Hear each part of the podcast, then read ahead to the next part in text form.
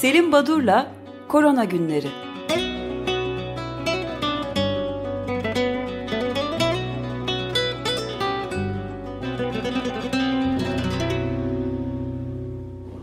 Günaydın Selim Badur, merhabalar. Günaydın, hepinize merhaba. Günaydın. Günler. Günaydın, efendim. Günaydın, günaydın efendim. Girmeden bir şey sormak istiyorum. Bir e, şeyin e, Ankara Tabip Odası Başkanı Ali Karakoç'u e, konuk etmiş Türkiye Büyük Millet Meclisi İnsan Hakları İnceleme Komisyonu üyesi Ömer Faruk Gergerlioğlu ve çok çarpıcı bir açıklama yapmış. Ankara'da sadece Ankara'da günlük vaka sayısının 2000 civarında olduğunu söylüyor. Ankara Tabip Odası Başkanı. Halbuki dün e, verilen son rakamlara göre Türkiye'de son gün 1673 yeni vaka bütün Türkiye için vardı. Dolayısıyla çok çarpıcı buldum bunu. Evet, e, Ankara Tabip Odası'nın e, açıkladığı kontrolden çıkan salgın ve filyasyon uygulamaları üzerine ATO'nun Ankara Tabip Odası'nın görüşü bildirisi önümde. Ee, kendileri e, vaka sayısının Ankara'da 2000'in üzerinde olduğunu, 650'si yoğun bakımda, 3700 COVID-19 hastan, hastasının hastanede tedavi gördüğünü, can kayıplarının da günde 20'nin üzerinde olduğunu belirtiyorlar ve Ankara Tabip Odası Ankara genelinde iki hastane hariç tüm hastaneler pandemi hastanesine dönüştürüldü. Yatan hasta servisleri doldu Hastalar aynı odada odalara tıka basa yatırılmaya çalışılıyor. Poliklinikte kuyruklar uzadığı için insanlar bıkıp muayene olmadan ve test yaptırmadan evlerine dönüyorlar. Durum ciddiyetini korumakta ve arttırmakta. Ee, bu arada Sağlık Bakanlığı her ne kadar bu açıklamalara yer vermediyse ise de salgın kontrolünde yaşanan sorunları göz önüne almış olacak ki filyasyon ekiplerini arttırdı ve çok sayıda hekim ve sağlık çalışanı bu ekiplere dahil edildi. Bu tarz daha sonra hidroksiklorokin ve favipravir tedavilerinde uygulanan hataları, bazı hastaların hastanede yer olmadığı için evlerine gönderilip tedavilerine evlerde devam etmesi uygulamasının sakıncalarını bahseden bir açıklamaları oldu. Ee, bu önemli tabii. Ee, çünkü e, her ne kadar e, bakanlık buna pek katılmasa da e, dönem dönem aldıkları önlemler bakıyorsunuz. İki gün önce 81 ilde maske zorunluluğu getirildi. Evlerin içi hariç her yerde maske takılacak. Restoran ve araçların kullanımı ve oradaki e, düzeninde e, yeni e, bir takım uygulamalarla yeniden e, belirlendiği e, açıklandı. Yani işler pek öyle düzgün gitmiyor. Şimdi e, son programımız pazartesi günü yaptığımız programdan bu yana e, 250 762.352 yeni olgu var. Gün başına 254.117 olgu demek. E, durum e, Avrupa ülkelerinde e, bir garip bir şekilde artmaya başladı. Son bir haftada Fransa'da sadece 50 bin olgudan fazla e, yeni olgu saptandı.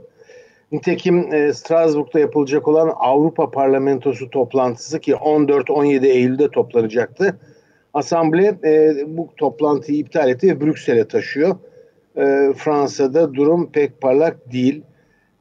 Pandeminin küresel açlık sorununa etkisinin ne olacağı FAO tarafından açıklandı. Bu yıl ilave 132 milyon kişi açlık sorunu yaşayacakmış ürün toplama, nakliye, parasal sorunları değerlendirdiğimizde FAO diyor ki 2030'da açlığı sonlandırma hedefine ulaşılması artık çok daha güç. Neredeyse imkansız ki ben bilmiyordum bu rapordan öğrendim.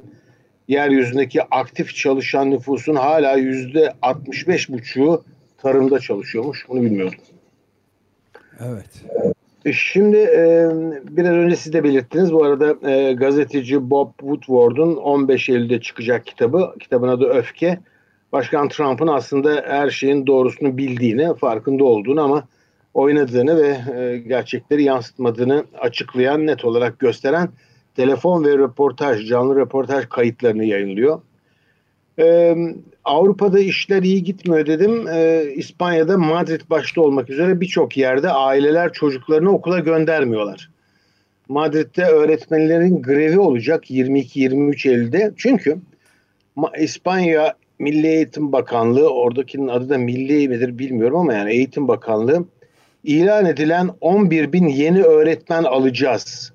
Sözünden bugüne dek bir süre geçmiş. 11 bin öğretmen işe alınacak derken topu topu alınan öğretmen sayısı 351'miş. 11 bin vaat etmişler. 351 öğretmen almışlar.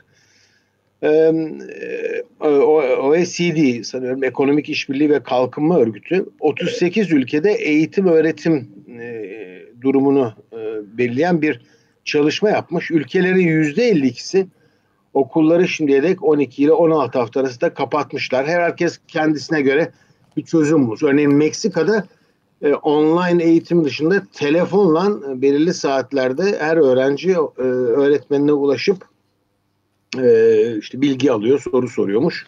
Başka ülkede yok bu kadar yaygın telefonla danışma hattı. E, ancak bütün bu ülkelerde ortalama öğretmenlerin yüzde on sekizi e, bu tarz yeni e, online eğitimin e, konusunda bilgi edinmediklerini ve e, herhangi bir eğitim almadıklarını söylüyorlar. İngiltere'de yeni bir karar aldı hükümet. 6 kişiden fazla bireyin bir araya gelmesi yasaklandı. Ee, evet.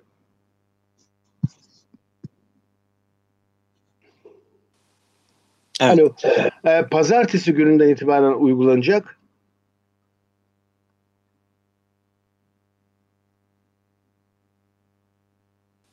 Evet. Ee, pazartesi gününden itibaren uygulanacak e, bu karar. Şimdiye kadar 30 kişiden fazlasının bir araya gelmesi yasaktı.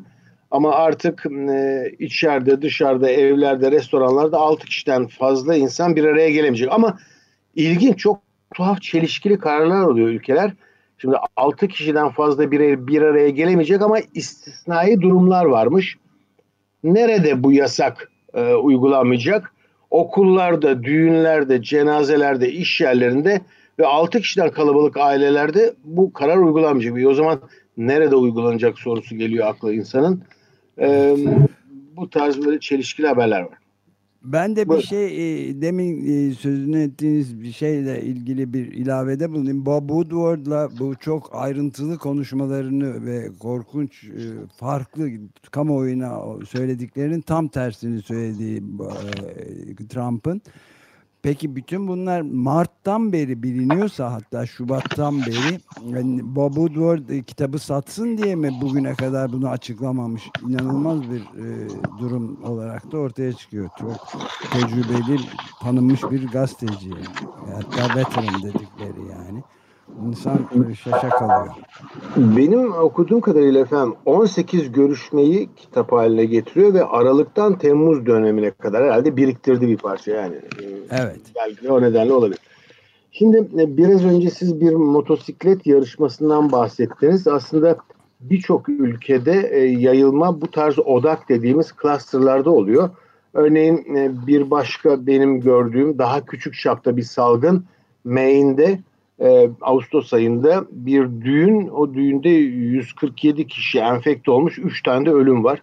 Yani bu tarz odaklarda bu tarz e, belirli kümeleşmeler e, belirliyor. E, bu e,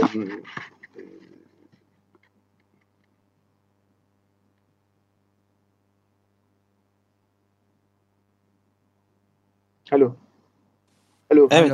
Dinliyoruz. Evet, Şimdi e, Kanada'dan bir açıklama var. Kanada'da e, Sağlık Bakanlığı e, bu ülkede saptanan olguların yüzde 62'sinin 40 yaş altında bireyler olduğunu açıkladı. Yani e, doğrusunu isterseniz e, gerçekten genç kesime bir şey olmaz. E, daha çok yaşların e, yaşlı kesimin hastalığıdır diye bir genelleme yapmak bu pandeminin ilk günlerinde olduğu gibi hatalı bir yaklaşım. İki önemli nokta var bilimsel çalışmalarda. Ee, bir eleştiri geldi ee, hem Amerika'da hem Fransa'da. Ee, özellikle New York Times bir, e, bir biraz spekülasyona açık bir e, yayın yaptı ve dedi ki e, PCR testlerinin yüzde doksanı pozitif sonuç verenlerin Bunlar gerçekten pozitif değil galiba. Aslında bu konu öyle değil. Biraz netleşmesi açısından kısa bir bilgi aktarmak istiyorum. Şimdi testlerin duyarlılığı ve özgürlüğüne göre yapılan hesaplara göre eğer toplumda risk %10 ise böyle bir toplum alalım. Test yaptıran bin kişide 70 tane gerçek pozitif, 45 tane de yalancı pozitiflik saptanıyor. Şimdi bu yalancı pozitiflik testin kötülüğünden değil tırnak içinde e, aslında abartılı duyarlılığa sahip olduğu için. Bunu ayarlamak mümkün mü? Mümkün. PCR testiyle ilgili çok kısa bir e, belki de teknik bilgi vermem gerekiyor ki e, daha iyi kavransın diye. E, şimdi PCR testine neye bakılıyor? Virüsün nükleik asitine yani DNA ya da RNA virüsü söz konusu ise bu e, molekülü saptamaya dayanıyor. Bunu nasıl yapıyorsunuz? Bir muayene maddesi geliyor laboratuvara. Bu bir burun salgısı olabilir, bir boğaz salgısı olabilir. Bunu bir süspansiyon haline getirip ekstraksiyon dediğimiz yöntemle nükleik asitlerini çıkartıyorsunuz. Çekip alıyorsunuz bu muayene maddesinin içinden. E, ve elde ettiğiniz DNA ya da RNA'lar hem aradığınız mikroba hem de orada ortamda bulunan her türlü e, canlı varlığın DNA'sı ya da RNA'sı. Yani elinizde bir DNA RNA havuzu var. Artık sadece e, nükleik asitleri e, elinizde bulunduruyorsunuz. Şimdi bundan sonraki aşama bu nükleik asitleri saptanabilir düzeye çıkartmak. Eğer iki tane nükleik asit varsa bunu saptayamazsınız. O zaman bir çoğaltma süreci başlıyor. PCR dediğimiz aslında testin adını veren aşamada bu aşama. Şimdi bu çoğaltma işleminin sonunda çoğalan DNA'ların içinden ya da RNA'ların içinden siz aramakta olduğunuz mikrobun DNA'sını çekip çıkartmanız lazım. Onun için de ayrı bir işlem yapılıyor. Şimdi burada bu çoğaltma işleminde belirli e, sikluslar yani 30 kez, 35 kez ya da 40 kez siz bu çoğaltma işlemini yinelersiniz. Böylece bir tane molekülü saptanabilir düzeye yani 1 milyona çıkartabilirsiniz örneğin. İşte bu çoğaltma işleminde eğer siz yapılan bir çalışmada şu gösterilmiş. Siz eğer 40 siklusu kullanırsanız yani birden örneğin 1 milyona çıkartırsanız çok fazla bir pozitiflik elde ediyorsunuz. Ama o 40 kez değil de 30 kez çoğaltma siklusu aşamasını kullanırsanız birden 1 milyona değil de 500 bine çıkartıyorsunuz. O zaman daha az pozitiflik elde ediyorsunuz. Şimdi bunun önemi nerede?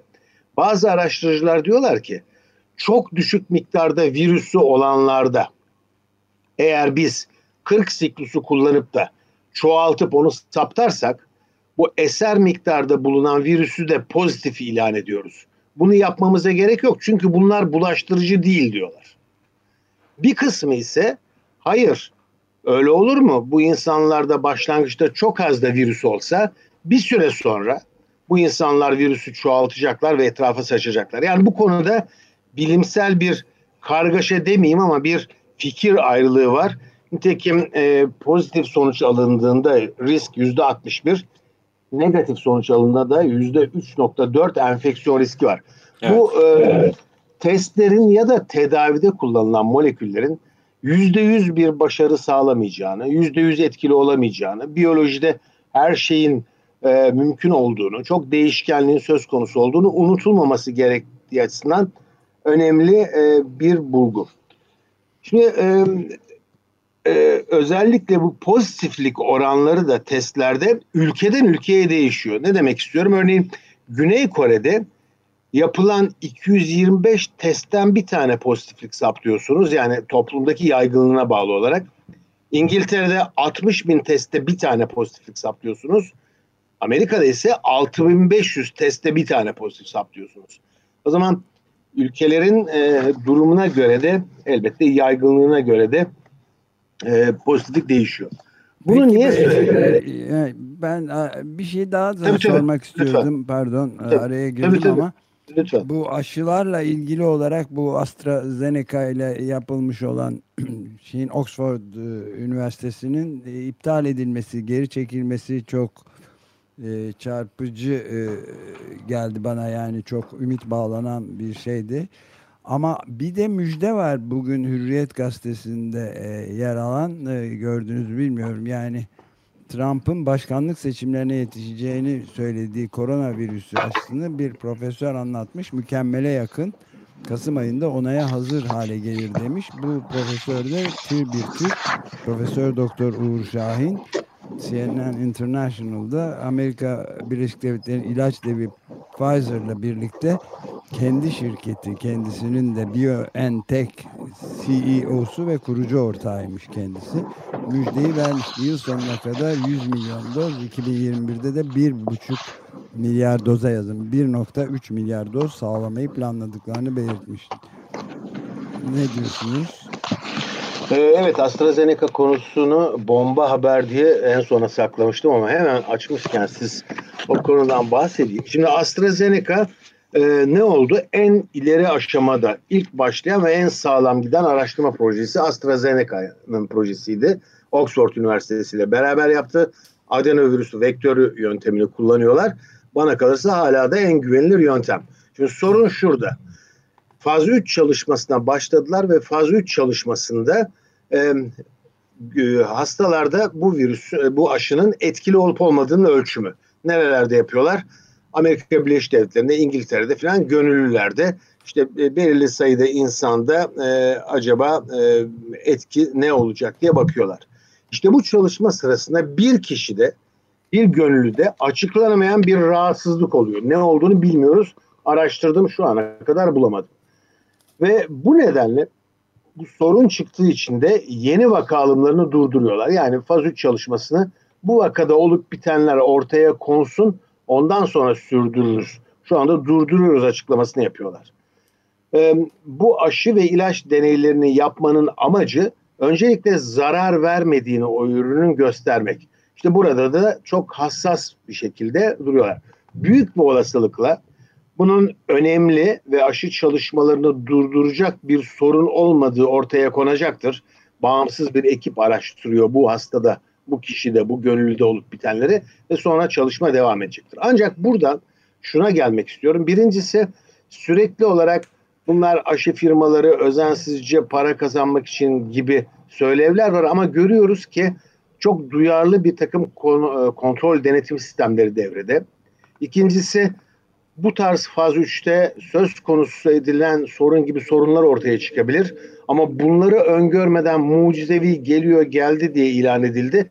Buna karşı Rus aşısı yerden yere vuruldu ya da bir alay konusu oldu. Bunun böyle olmaması lazım. Rusların da bu tarz çalışmaları yapmaları ve sonuçlarını açıklamaları lazım. Yani faz 3 çalışmaları e, böyle bir e, saptamaya açıktır. Bunlar için yapılır faz 3 çalışması ve e, herhangi bir sorun çıktığında gayet şeffaf bir şekilde görüyorsunuz. 30 bin kişide bir kişide bir sorun çıktığı zaman bu bile bütün çalışmanın durdurulmasının nedeni oluyor. Tabii olan AstraZeneca'ya oldu. Evet. İşte senede birdenbire e, çok şiddetli bir şekilde azalmış. Ben ee, de araya şey girdi, ben de şunu Oo. sormak istiyordum. Çok karıştı. ee, e, araya girdiğim için sonunu e, söyleyemediğiniz bir şey vardı, konu vardı. Onu da tamamlayabilir miyiz? Ee, evet o e, aslında onu isterseniz pazartesiye bırakalım. Çünkü bu farklı ülkelerde e, hastalığın yaygınlığıyla ilintili olarak ortaya çıkan pozitiflik veya saptama bu uçak seyahatlerinde neye e, dönüşüyor? Onu isterseniz pazartesine bırakayım ama aşılardan başlamışken bir tanesi benim e, uzun yıllardan beri e, ilgiyle izlediğim bir konudur. E, şimdi moleküler biyoloji yöntemleriyle biliyorsunuz bir takım vektörler kullanılıyor aşı hazırlamada. Bir bakterinin ya da bir başka virüsün içine örneğin koronavirüs aşısı hazırlayacaksanız koronavirüsün bir gen bölgesi sokuluyordu. Bunu Afrika'da bir dönem özellikle Afrika'da beslenme sorununun da üstesinden gelebilmek için patates ya da muz gibi bir takım besin maddelerinin genetik yapısının içine soktular. Virüsü ya da bakteri genomunun bir parçasını. Bu ne demek? Çocuğun eline muzu vereceksiniz hem beslenecek hem de aşılanacak. Bu çok hoş ama biraz teorik kalmış bir yaklaşımdı. Ee, Sayed Soh, Sohrab ve arkadaşları e, iki gün önce Clinical and Experimental Vaccine Research'te bir yazı yayınladılar. Ve burada çeşitli sebzelerin içine e, koronavirüs aşısını koyarak acaba bu tarz bir bağışıklık yoluna gidebilir miyiz gibi böyle hoş e, ama insanın hani keşke olsa ya dediği bir yaklaşımı e, makale haline getirmişler. Bu ilginçti. E, evet. İkincisi e, şu anda bakıyorum e, aşı çalışmalarına hani e, ondan haftayı bitirelim belki de saat 9 oldu. 34 aşı adayı klinik safhada, 145 aşı adayı da insan evresinde. Rusya onayladığı Sputnik 5 aşısının dağıtılmaya başlandığını açıkladı. İlginç. E, tabii eleştiriler Rusya ile ilgili bu e, AstraZeneca'nın yaşadığı bu faz 3 dönemindeki bu sorunu evresi yani faz 3 çalışması bitmeden mi onay verildi acaba? Aslında bu ülkede ikinci bir aşı adayının da faz 1 çalışmasına başlamışlar. Üreticinin üretilecek olan aşıların bazı aşılar eksi 4 bazıları eksi 60'ta gönderilmesi gerekiyor e, kullanıcıya. Bunun lojistik çalışmalarının başlanması lazım. Hani bu nasıl yapılacak? Gelişmekte olan ülkelere bu konuşuluyor. Bütün bunların dışında e, aslında vaktimiz kalmadı ama e, eğer Seyfettin Bey bağlanamıyorsa iki dakika daha rica edebilir miyim? Mümkün mü böyle bir şey? Tabii tabii. Yoksa fazla... Evet, tabii. Peki. O zaman e, bir rapordan bahsedeyim. Haberleri bir kenara bırakayım. Bu rapor ilginç. Boğaziçi Üniversitesi Sosyal Politika Forumu tarafından hazırlanmış. Covid-19 salgınında İstanbul'da çalışanların deneyimleri ve e, raporun başına da e, uzunca bir e, giriş yazısını e, Profesör Doktor Ayşe Buğra yazmış. E, Sayın Buğra diyor ki bu araştırma hizmet sektöründe çalışan, eğitimsiz ve vasıfsız olmayan, çalıştıkları süre içinde orta sınıf geçim standartlarında bir yaşam sürdürebilen insanlar arasında yapılan bir çalışma diyor. Evet, böyle bir çalışma. Daha sonra kendisinin yorumuna değineceğim. Çalışma İstanbul'da salgının ilk döneminde Mart-Mayıs sonu arasında niteliksiz yönteme dayalı keşifsel bir araştırma. Uzatmayayım. E, sonuçta sonucuna geleyim e, çalışmanın. e, görüşmeciler e, özellikle e, yoksullaşma anlatısı paylaştıklarının altını çiziyor rapor. İşlerin yoluna girmeyeceği endişesinin çok yüksek olduğu, henüz işten çıkarma yasağı yürürlüğe girmeden faaliyetlerine geçici süreyle ara verilen sektörlerde işverenlerin bir kısmı mevcut belirsizlik ortamından yararlanıp çalışanların iş akitlerini sonlandırma kararı almışlar. Bu önemli bir saptama. İşsiz kalınması e, e, oldukça yüksek. Kayıtlı çalışanların tümünün salgın dönemindeki işini ve ücret gelirini kaybetme riskinden yeterince korunmamış olduğu ortaya konmuş.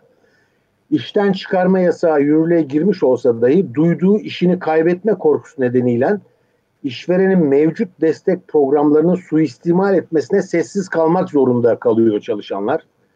Ve özellikle hak kayıpları, örneğin yıllık izin kullandırma, ücretlendirilemeyen fazla mesai, yakın takip, evden çalıştıkları zaman yemek ya ücreti ya da yan hakların da kısıntıya gidilmesi gibi tüm olumsuzluklar bu ankette, bu çalışmanın yapıldığı sürede e, ortaya çıkmış ve e, Sayın Ayşe Buran'ın yorumu ön sözde bu araştırma için yaptığı yorum şikayet ederek kabulleniş tablosunun çok net olarak çaresizliğin ortaya konmuş olması.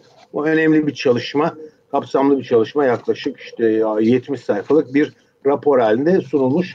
Ee, bunun önemli olduğunu düşünüyorum. Biz çok e, üzerinde durmuyoruz bazen çalışanların yaşadıklarını.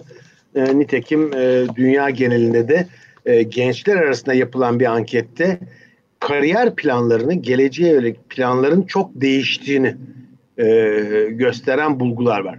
Kısacası bitirirken haftayı bu korona günlerinin son programı Perşembe günü e, biz gerçekten e, korona salgını bu pandeminin neye yol açtığını herhalde uzun vadede daha iyi göreceğiz.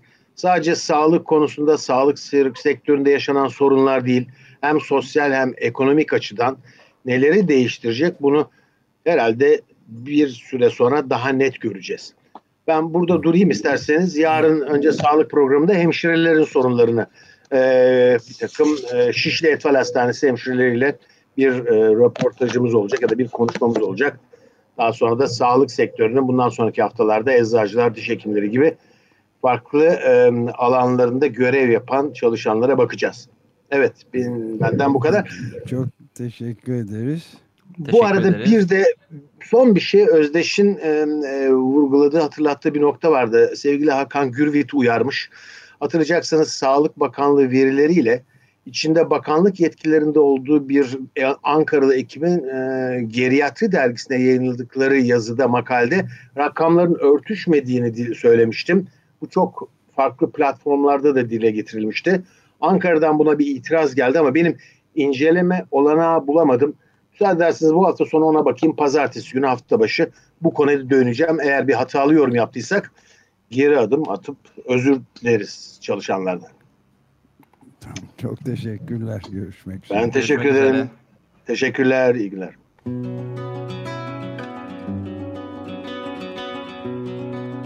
Selim Badur'la Korona Günleri